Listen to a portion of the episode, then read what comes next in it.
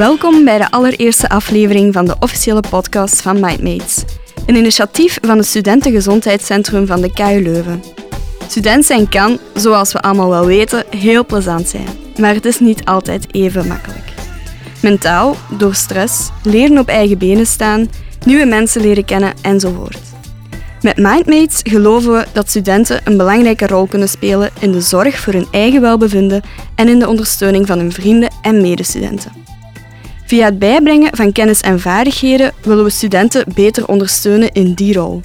We willen jullie dus aanmoedigen een steunend netwerk te creëren waarin er openheid is om te spreken en naar elkaar te luisteren, ook als het moeilijk gaat. In deze podcast voor en door studenten willen we taboes rond mentale gezondheid daar bespreekbaar maken en doorbreken. Elke aflevering nodigen we een interessante spreker uit om vragen aan te stellen. Het panel, waar we hiervoor beroep op doen, verandert mee met de onderwerpen. Maar we denken dat dit zo de diversiteit van onze studenten kan vertegenwoordigen. Zo, beste luisteraars, we gaan eraan beginnen. Het thema waarover we het vandaag gaan hebben is zelfverwondend gedrag. Maar wie is we? Ik ben Aline Horobeke en ik ben te werk gesteld als orthopedagoge in een praktijk voor psychiatrie en psychotherapie voor kinderen en jongeren. Daarnaast werk ik in het Universitair Psychiatrisch Ziekenhuis in Kortenberg en ben ik een relatie- en gezinstherapeut in opleiding, dus ook nog student. Naast mij zit Glenn Kiekens. Glenn is zelf een klinisch psycholoog en is als doctoraatsonderzoeker verbonden aan de KU Leuven en Curtin University in Australië, waar hij onderzoek doet naar zelfverwonderd gedrag bij universiteitsstudenten. Het leek ons interessant om zowel vanuit wetenschappelijk onderzoek als de praktijk dit thema te bespreken. Vooraleer we dieper ingaan in, op dit thema, is het misschien belangrijk, Glenn, om eerst even toe te lichten wat we eigenlijk onder dit gedrag verstaan. Wel, uh, Aline, in principe als we over zelfverwondend gedrag praten, dan verstaan we daar uh, alle gedragingen onder waarbij we onszelf opzettelijk en op een directe manier fysiek schade toebrengen. Mm -hmm. Dus het is um, opzettelijk, dat betekent dat bijvoorbeeld ja, geen ongeluk is of zo. Um, het is direct, um, dat wil zeggen wanneer ik bijvoorbeeld ongezond leef, ga ik mezelf ook op langere termijn fysiek schade toebrengen. Of wanneer ik heel veel drink, gaat dat ook een nefast effect op mijn gezondheid hebben op langere termijn. Maar daar gaat het in principe hier niet over. Waar het wel over gaat, uh, zijn bijvoorbeeld gedragingen zoals jezelf snijden en krassen, uh, hoofdbonken, um, wondjes verhinderen te genezen, ook jezelf slaan. Mm. En heel belangrijk daarbij ook is dat die gedragingen gesteld worden zonder een suïcidale intentie. Ja. Uh, want dan spreken we in principe over een suïcidepoging. Ja. En is er een verschil uh, tussen jongens en meisjes in, in, in welk soort gedrag die stellen? Ja, uh, uit onderzoek, uh, of onderzoek toont aan dat meisjes vaker zichzelf krassen of snijden, terwijl jongens vaker zichzelf slaan en ook aan hoofdbonken doen. Ja. Dus dat hoort eigenlijk ook dan bij dat zelfverwondend gedrag. Want ik denk dat vaak het beeld van mensen misschien is het, het snijden, maar dan eigenlijk opzettelijk slaan en tegen de muur botsen, wat dan meer bij jongens voorkomt. Hè. Dat is er dan eigenlijk toch ook wel onder te verstaan. Ja, het, valt, hangt ook een, voor een deel af van wat de functie van het gedrag of waarom mensen het natuurlijk uh, doen. Maar het is zeker uh, correct wat je zegt. En ook vaak wanneer ik bijvoorbeeld studenten spreek, um, die dit gedrag stellen, dan vaak um, ja, mannelijke studenten zeggen van ik, ver, ik verwond mezelf niet, mm -hmm. maar wanneer ik gefrustreerd ben, sla ik gewoon mijn vuist op de muur. Ja, mm -hmm. oké. Okay. Hoe vaak komt zo zelfverwondend gedrag voor en tijdens welke levensperiode komt dit gedrag eigenlijk het vaakst voor?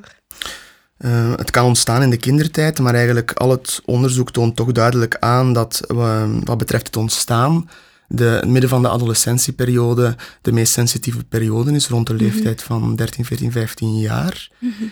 uh, recent onderzoek uit onze groep um, lijkt ook te suggereren dat vooral de universiteitsperiode rond de leeftijd van 20 jaar ook een sensitieve periode is voor het uh, ontstaan van het gedrag. Ja. Met sensitief bedoelt u dan de meest kwetsbare periode ja, eigenlijk. Ja, hè? Dat, ja. En um, de universiteitsperiode, waarom precies die periode? Wat, wat heeft daar zo mee te maken? Wel, ik denk eerst en vooral dat de um, universiteitsperiode een heel uh, ja, boeiende periode is, zoals we allemaal weten. Mm -hmm. uh, we, gaan, we gaan op kot. Um, we gaan studeren voor een bepaald beroep wat we later willen doen. Uh, we ontwikkelen onszelf ook persoonlijk, wie we zijn. ook sociale rollen, we vinden, we vinden een partner en dergelijke zaken. Dus dat is allemaal uiteraard positief. Maar het is ook zo dat we ook zien, en dat onderzoek ook aantoont, dat voor sommige um, studenten de universiteitsperiode ook stressvol kan zijn. Mhm. Ja, een hele uitdaging brengt het met zich mee. Als je alles opnoemt, dan denk ik, oeh, ja, dat is wel een heel boeltje wat dan gebeurt. Hè? Mhm. En wat we dan ook zien, is dat bijvoorbeeld als we zeggen dat de universiteitsperiode stressvol is voor sommige studenten, dat dan zelfverwonend gedrag eigenlijk als een methode vaak gehanteerd wordt om met die negatieve emoties en die stress dan eigenlijk om te gaan. Wat dan misschien mhm. een beetje verklaart wat je daarnet zei, of kan verklaren van waarom is eigenlijk die universiteitsperiode, en we zien dan vooral het eerste jaar aan de universiteit mogelijk een, een, ja, een moeilijke periode, of kan het een moeilijke periode zijn, ik zou het zo zeggen. Oké, ja, uh, want er leven eigenlijk ook veel vooroordelen hè, over het zelfverwonderd Bijvoorbeeld van, die persoon snijdt zich, uh, want die wil die wilt daardoor aandacht zoeken. Maar wat zegt eigenlijk wetenschappelijk onderzoek over de functie van, van, van dit gedrag? U haalde het daarnet ook al een beetje aan, ja, om, om die stress eigenlijk te reguleren. Uh, kan u dat nog uitgebreider uitleggen, Wel, het is eigenlijk zo, zoals je daarnet zegt, hè, van vaak leeft het idee uh, onder mensen dat dit gedrag uh, gesteld wordt om, om aandacht te zoeken. Uh, die functie komt ook voor, maar is eigenlijk de minst frequent gerapporteerde functie uit onderzoek. Mhm. Wat eigenlijk, uh, er is een model die stelt er zijn eigenlijk twee grote dimensies waarom mensen dit gedrag stellen. Enerzijds uh, om hun emoties te reguleren. Mm dat kan zowel zijn om negatief affect, dus negatieve emoties, stress, uh, om daarmee te kunnen omgaan. Anderzijds kan het ook zijn om iets te voelen. dat zien we bijvoorbeeld vaak terug, ik snijd mezelf omdat ik iets wil voelen, meer bij dissociatieve toestanden. Ja. Maar de functie die eigenlijk het vaakst voorkomt, is om met negatieve emoties en stress om te gaan. Mhm. Daarnaast is er ook een sociale functie, die eigenlijk zeggen dat uh, uh, sommige mensen het gedrag stellen, bijvoorbeeld om, ja, je zegt dan aandacht zoeken, maar het kan ook, je kan het ook anders formuleren, eigenlijk, ik toon dat het niet goed met me gaat. Ja. Uh, geen woorden, maar daden eigenlijk. Mm Oké, okay. um, nu, u zei dissociatieve toestand, um, bedoelt u daarmee van dat iemand van zichzelf is afgezonderd en toch even wilt voelen van hé, ik leef? Of wat bedoelt u precies daarmee? Wel, dat is dan, um, de dissociatie natuurlijk zien we meer uh, terug bij uh, ja, meer psychiatrische mm -hmm. uh, problematieken. En daar soms bij mensen, bij mensen met een borderline persoonlijkheidsstoornis, die mhm. zich eigenlijk leeg voelen, kan het zijn van ik snij me op dit moment omdat ik terug iets wil voelen. Ja, ja, ja. echt zo'n beetje de, de emotieloze kant, terwijl dat de, andere kant dan is van ik heb te veel emoties, ik ben zo verspoeld en ik wil dat hier doen laten zakken door dan dat zelfverwondend gedrag te stellen. Dat is eigenlijk de meest frequent uh, gerapporteerde functie van het gedrag. Oké. Ja, in mijn eigen werkveld um, zie ik ook vaak kinderen en jongeren die zich opzettelijk verwonderen en vaak dragen die ook wel een rugzakje met zich mee. Bijvoorbeeld, die zijn jaren gepest geweest, zijn hun ouders verloren, voelen mhm. zich niet goed in hun vel. Um, welke ontstaansfactoren worden er vanuit wetenschappelijk onderzoek aangehaald? Wel, zelfverwondend gedrag is heel complex. Uh, in de psychologie zeggen dat het multigedetermineerd gedrag is. Mm Daarmee bedoelen we eigenlijk dat er, uh, er is niet één risicofactor uh, dat als die aanwezig is, die zegt van dan gaat, gaat iemand zich beginnen te verwonden bijvoorbeeld. Mm Dat is niet het geval, maar er zijn heel veel risicofactoren ehm, samen die maken dat het risico verhoogt op dergelijk gedrag. Aan welke factoren we denken we dan? Enerzijds, ja, je hebt het zelf al aangehaald, um, interpersoonlijke sociale factoren. Um, bijvoorbeeld, uh, ja, dat kan misbruik zijn, um, dat kan ook gepest worden zijn, mhm. bijvoorbeeld. Mm. moeilijke relatie met de ouders, bijvoorbeeld. daarnaast zien we ook heel wat intrapersoonlijke factoren. En dan denk ik bijvoorbeeld uh, vooral aan moeite hebben om te, ja, te kunnen reguleren van je emoties, te kunnen omgaan met stress um, zelfkritische gedachten, uh, perfectionisme, ja. um, rumineren of piekeren. Mm zijn allemaal dingen uh, die uit de literatuur naar voren komen als risicofactoren. Ja, uh, en dan niet één risicofactor, maar meerdere, die dan uiteindelijk het gedrag... Ja, het is echt een ja. samenspel van factoren. En dat maakt enerzijds dat het ook heel moeilijk is om, naar dit, um, om onderzoek te doen naar dit gedrag, omdat je heel veel factoren moet meenemen in principe. Nu, Glenn, u noemde daarnet uh, verschillende factoren die het gedrag eigenlijk doen ontstaan. Um, maar hangt het eigenlijk ook samen met een andere problematiek? Ja, we zien heel vaak dat zelfvondgedrag ook nooit uh, ja, alleen komt, zal ik zeggen. En dat uh, studenten die dat gedrag stellen, ja, ook logisch, want het wordt gebruikt om met negatieve gevoelens uh, om te gaan, mm -hmm. dat die vaak ook depressieve klachten rapporteren, ook angstgevoelens, die vaak aanwezig zijn waarvoor het gedrag dan eigenlijk gebruikt wordt om daarmee om te gaan. Ja. En onze, ja, we hebben ook recent gevonden in onderzoek dat bijvoorbeeld studenten dit gedrag dan ook stellen, dat uh, ook geassocieerd, of dat die het eigenlijk minder goed doen in het eerste jaar aan de universiteit. Ja. Ehm, academisch gezien dan. Mhm. Nu, uh, waar ik net ook aan denk, is uh, een vraag die ik ook vaak krijg van ouders van kinderen en jongeren die eigenlijk zelfverbonden gedrag stellen van alleen moeten wij ongerust zijn dat onze zoon of dochter zelfmoord gaat plegen? Is er eigenlijk een verband tussen zelfverbonden gedrag en zelfdoding? Mm -hmm ja, heel belangrijk is, is de, de, functie van het gedrag. Dus in principe, wanneer mensen um, zichzelf verwonden met de intentie van om dood te willen zijn, spreken over een suïcidepoging. Mm um, dus bij zelfontdrag gaat het daar eigenlijk uh, niet over. Nu, het is wel zo um, dat we weten uit onderzoek dat jongeren of uh, studenten die zichzelf uh, verwonden, dat die toch een hoger risico hebben om eigenlijk um, suïcidaal te worden. Ja. Uh, op langere termijn dan. Mhm. Um, dus om op je vraag te antwoorden, betekent dat dat iedereen die zichzelf, of die dit gedrag stelt, dat die suicidale gedachten of, of, een plan of een poging gaat stellen? Uiteraard niet. Mhm. Maar we zien wel dat het een risicofactor is. Ja, ja. dus eigenlijk ook wel goed, uh, omdat je spreekt van een risicofactor, van het op te merken hè, en, en er iets mee te doen. Ja, zeer zeker. Mhm. Um, want ja, klinici vertellen ons ook, vaak, dat komt ook uit onderzoek uh, naar voren, bepaalde jongeren stellen ook het gedrag om met die um, suïcidale gevoelens, om er eigenlijk mee om te gaan. Mhm. Het is eigenlijk een manier om in, voor hen om uh, daar niet aan toe te geven, zal ik zeggen. Aan, die, aan die gedachten. Maar we zien toch dat op langere termijn, um, dat jongeren die dit gedrag stellen, dat ze wel een hoger risico hebben om uh, toch dergelijke gedachten ja, te ontwikkelen. Nu, en uh, Glenn, hoe komt het eigenlijk dat die mensen die zich verwonden een groter risico hebben op, op, op zelfdoding? Nou ja, er is, uh, een, of er is literatuur die eigenlijk um, stelt dat um, iedereen die bijvoorbeeld suïcidale gedachten heeft, uh, dat niet wanneer wij allebei suïcidale gedachten hebben, kan het zijn dat uh, jij daar gaat op ingaan, zal ik zeggen, terwijl Mhm. ik dat niet ga doen. Dan hebben we eigenlijk de capaciteit om ook um, om tot zelfmoord te kunnen overgaan.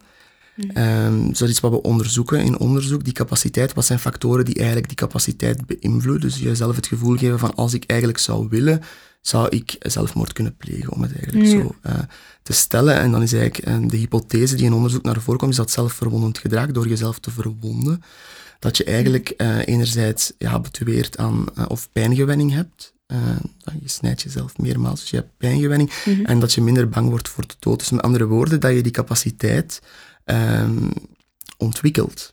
En dat maakt dan op momenten dat je dan, of dat is de hypothese, op momenten dat je dan suicidaal bent, Mhm. doordat je die capaciteit hebt, dat um, de ene persoon wel zal overgaan van een plan naar een poging, terwijl de andere persoon uh, dat niet zal doen, omdat hij die capaciteit niet heeft. Dus zelfverwondend gedrag is een risicofactor, of dat komt in de literatuur meer en meer naar voren als een risicofactor die capaciteit kan verhogen. Mhm. Andere factoren die die capaciteit zouden kunnen ver, uh, verhogen, dat we het onderzoeken, is bijvoorbeeld misbruik. Ja, ja, ja, ja. Ik heb daarnet gezegd, misbruik komt ook vaak, vaker voor bij uh, jongeren en jongvolwassenen dit gedrag stellen. Mhm. Dus dat kan um, dan het risico weer uh, verhogen eigenlijk. Ja. Okay, ja, het is, het is echt uh, complex en, en, en gelaagd. Hè? Als, je, Ja. als je over dit thema spreekt, is het echt wel uh, iets um, ja, waar ook oordelen gemakkelijk is, uh, omdat het zo moeilijk te begrijpen is, lijkt Mhm. mij. En ik denk dat het, als ik nog één ding mag zeggen, wat ook Absoluut. belangrijk is, is als we kijken naar ja, de prevalentie. We zien bijvoorbeeld hoe vaak het voorkomt bij studenten hè, die het ooit in hun leven al gedaan hebben. Uh, dit gedrag gesteld zitten we ongeveer 17 procent. Mhm. Uh, als we kijken naar het afgelopen jaar, uh, zitten we ongeveer ja, 8 procent. Dat is dan ongeveer de helft. Mhm. Um, het is natuurlijk niet zo dat die 8% dat iedereen daarvan later suïcide zal plegen of suïcidaal gaat worden. Dus dat moeten we wel nuanceren. Dus het is ook belangrijk dat wij, denk ik, als onderzoekers gaan proberen na te gaan van, ook uh, vanuit de praktijk, dat we proberen indicatoren te vinden uh, die erop wijzen van wie mogelijk een verhoogd risico kan hebben binnen onze groep van, uh, van, van jongeren of jongvolwassenen die mm -hmm. met dit gedrag geconfronteerd uh, worden. En dan zien we vooral dat bepaalde factoren, zoals de frequentie, heel belangrijk zijn. Dus als, Ja. als iemand zichzelf eh, heel vaak verwond. Dat is anders dan wanneer iemand met dit gedrag experimenteert en het twee of drie keer eh, heeft gedaan. Ja. Eh, ook de methode, of iemand zichzelf maar één methode hanteert, of bijvoorbeeld vier, vijf methoden, dat maakt ook een, een verschil. Ja, oké. Dat zijn toch ja, allemaal ja, denk belangrijke zaken om, om mee te nemen. Ja, absoluut. Nu, als we spreken over ehm, ja, hoe reageren we op dit gedrag en, en je zegt ook van, we proberen dat te directeren en, en daar ook wel iets mee te doen. Um, onlangs was er ook een, een, patiëntje van mij die vroeg van, ja, kijk, Aline, ik wil een goede vriendin zijn, maar een vriendin van mij snijdt zich in, in, in haar been. Uh, wat doe ik ermee? Uh, mag ik hier wel op reageren? Um, zijn er een beetje van een, een leidraad of een, een manier waarop um, je eigenlijk hier goed op kan reageren? Of mee kan omgaan?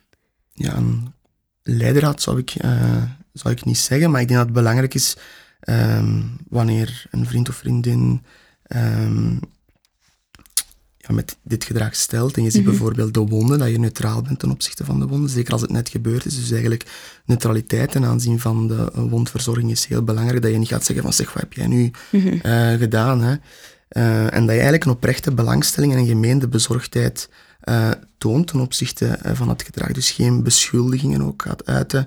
En dat je ook niet meteen um, ja, die persoon gaat stoppen om, of gaat dwingen om dat gedrag niet meer te stellen. Want dat is heel moeilijk, want je moet je voorstellen, vaak is het voor hen de manier uh, om met hun emoties, waarmee ze geconfronteerd mm. worden, om daarmee om te gaan. Dus je pakt eigenlijk iemands copingstrategie, zal ik zeggen, af. Dus dat gaat niet meteen. Nu, even copingstrategie, de manier van omgaan met... Dan, ja, inderdaad. Ja, ja sorry. Ja, soms, uh, wij psychologen onder elkaar, dat is af en toe uh, moeilijk om uh, onze vakjargon achter, achter ons te laten. Ja. Oké. Okay. Um, dus ja, inderdaad, het niet afpakken. Um, er ook begripvol naar zijn en ja, een luisterend en ik, oor bieden. En ik denk in, dan in een tweede instantie ook um, proberen te stimuleren of te motiveren, ook niet dwingen opnieuw, om, om dan ja, een professional te, te raadplegen. Um, ook vaak mensen met dit gedrag die zoeken heel weinig hulp. Er is heel wat mm -hmm. stigma ook over, uh, dat heerst over dit gedrag. Mm -hmm. En ik denk dat als mensen zelf de motivatie hebben, maar het is heel belangrijk dat die motivatie van hunzelf komt, komt eigenlijk, ja. uh, en dat die niet opgedrongen wordt door anderen, dan kan er samen met, met, een, uh, met een dergelijk persoon gekeken worden naar wat, wat zijn de functies of de redenen uh, mm-hmm. voor dat individu in die, in die, specifieke situatie waarom hij of zij dit gedrag stelt. En dan kan we bijvoorbeeld een, een kostenbatenanalyse maken, waar ook, wat zijn bijvoorbeeld de nadelen van het gedrag. Ja, want kan ook, het heeft uiteraard voordelen, die hebben we daarnet, of de functies hebben we daarnet besproken, maar er zijn ook uh, de littekens, uh, de conflicten misschien met ouders, er zijn ook nadelen aan, aan verbonden. Mm-hmm. En indien de jongere dan, of de jongvolwassene bereid is tot verandering, zal dan ja, getracht worden om in eerste instantie, wanneer we een goed zicht hebben, of wat zijn nu eigenlijk de situaties die het gedrag, gedrag uitlokken, om die dan in eerste instantie te gaan vermijden, omdat hij of zij dan een soort controle kan ondervinden overal het mogelijk is om um, controle te hebben over het gedrag. Mm -hmm. En dan in een tweede instantie om dat te gaan vervangen door uh, alternatieve strategieën die ja, niet destructief zijn, zal ik zeggen. Maar ja, meer helpend en minder um, zelfpijnigend. Bedoelt u dat met minder destructief? Ja, ja, ja. ja, bijvoorbeeld. En daar is het ook belangrijk dat je de, dat je de persoon zelf laat um, strategieën, um, hoe zal ik zeggen, aangeven. Mm -hmm. En dat je die ook zelf niet, niet opbrengt. Dat kan bijvoorbeeld zijn dat op het moment dat een persoon voelt dat hij uh, heel geagiteerd is, um, dat hij bijvoorbeeld gaat lopen. Mm -hmm. in, in, of dat die leert om hulp te zoeken. Uh, ja, gezondere manieren eigenlijk, op een of andere manier. Hè, mm -hmm. toch? Ja. Oké, okay, Glenn, ik vond het eigenlijk super interessant, uh, het gesprek. Uh, maar we zijn al op het einde gekomen. De slogan die nu in mijn hoofd eigenlijk bovenkomt is... Ehm, het scheelt als je deelt. Um, blijf zeker niet zitten met je bezorgdheden. Hè. Zoek hulp. Maak contact met mensen en durf te zeggen van... Hé, hey, het lukt me echt niet. zou jij me kunnen helpen? Het is oké als het niet oké is. Um, nu, ik hoop dat wij mee ons steentje hebben bijgedragen om het thema zelfverwonding uit de taboesfeer te trekken. Um, ik wil de luisteraars nog bedanken voor hun interesse en ook bedankt Glen uh, om dit boeiend gesprek mee vorm te geven. Zou jij, zou jij de luisteraar nog iets willen meegeven? Ja, ik zou me eigenlijk willen aansluiten bij wat je net hebt gezegd, Aline. En ik denk, en dit telt uiteraard voor iedereen, niet enkel voor studenten. Ik denk dat het belangrijk is dat we met z'n allen leren accepteren dat het leven soms ook eens eh, momenten moeilijk kan zijn. En dat we dan eigenlijk leren aangeven dat het ook op dat moment minder goed gaat met ons. We daar eigenlijk niet mee blijven zitten tot zaken uh, escaleren en we steun durven vragen. Steun aan ouders, familie, uh, vrienden, maar ook mhm. partner. En ook ja, een hulpverlener indien dat, dat uh, nodig is. Dat we dus eigenlijk de reflex ontwikkelen om, ja, ik zal zeggen, even goed voor onszelf te zorgen dan we dat eigenlijk vaak voor anderen om ons heen ook doen. Dat is vooral de boodschap uh, die ik zou willen uh, meegeven. Mhm. En aan jongeren die luisteren of jongvolwassenen die geconfronteerd worden met dit gedrag, zou ik ook een boodschap van hoop willen geven. Ze zijn niet alleen met dit gedrag. Uh, en ik zou het ook willen aanraden ja, om zeker ook hulp te zoeken. Mm. Dat ze daar zeker niet mee hoeven te blijven zitten alleen. Dat is niet nodig. Um, en tot slot, um, ja, alleen wil ik ook jou nog bedanken. En uh, Mindmates voor het mhm. organiseren uh, ja, van deze podcast. Ja, langs mijn kant heel graag gedaan, Glen. Um, nu is er ook nog wel informatie die ik zeker wil meegeven uh, na deze podcast. Voor mensen die het wel geraakt heeft of die zoiets hebben van oei, dit, dit, was wel informatie die ik nog niet wist. Um, ben je student aan de KU Leuven en wil je iemand spreken over zelfverwonderd gedrag? Um, op werkdagen tussen 8 uur s ochtends en 6 uur s avonds kun je daar contact opnemen met een psycholoog van het Studentengezondheidscentrum via het nummer 016 32 43 43. Ben je geen student aan de KU Leuven en wil je iemand buiten de werkuren bereiken? Bij Teleonthaal kan je dag en nacht terecht via 106. Um, wie met vragen zit over zelfdoding kan terecht bij de zelfmoordlijn 1813. Um, dat is in België. Uh, of via de website, dat is ook mogelijk. Uh, www.zelfmoordlijn1813.be. Dank jullie wel.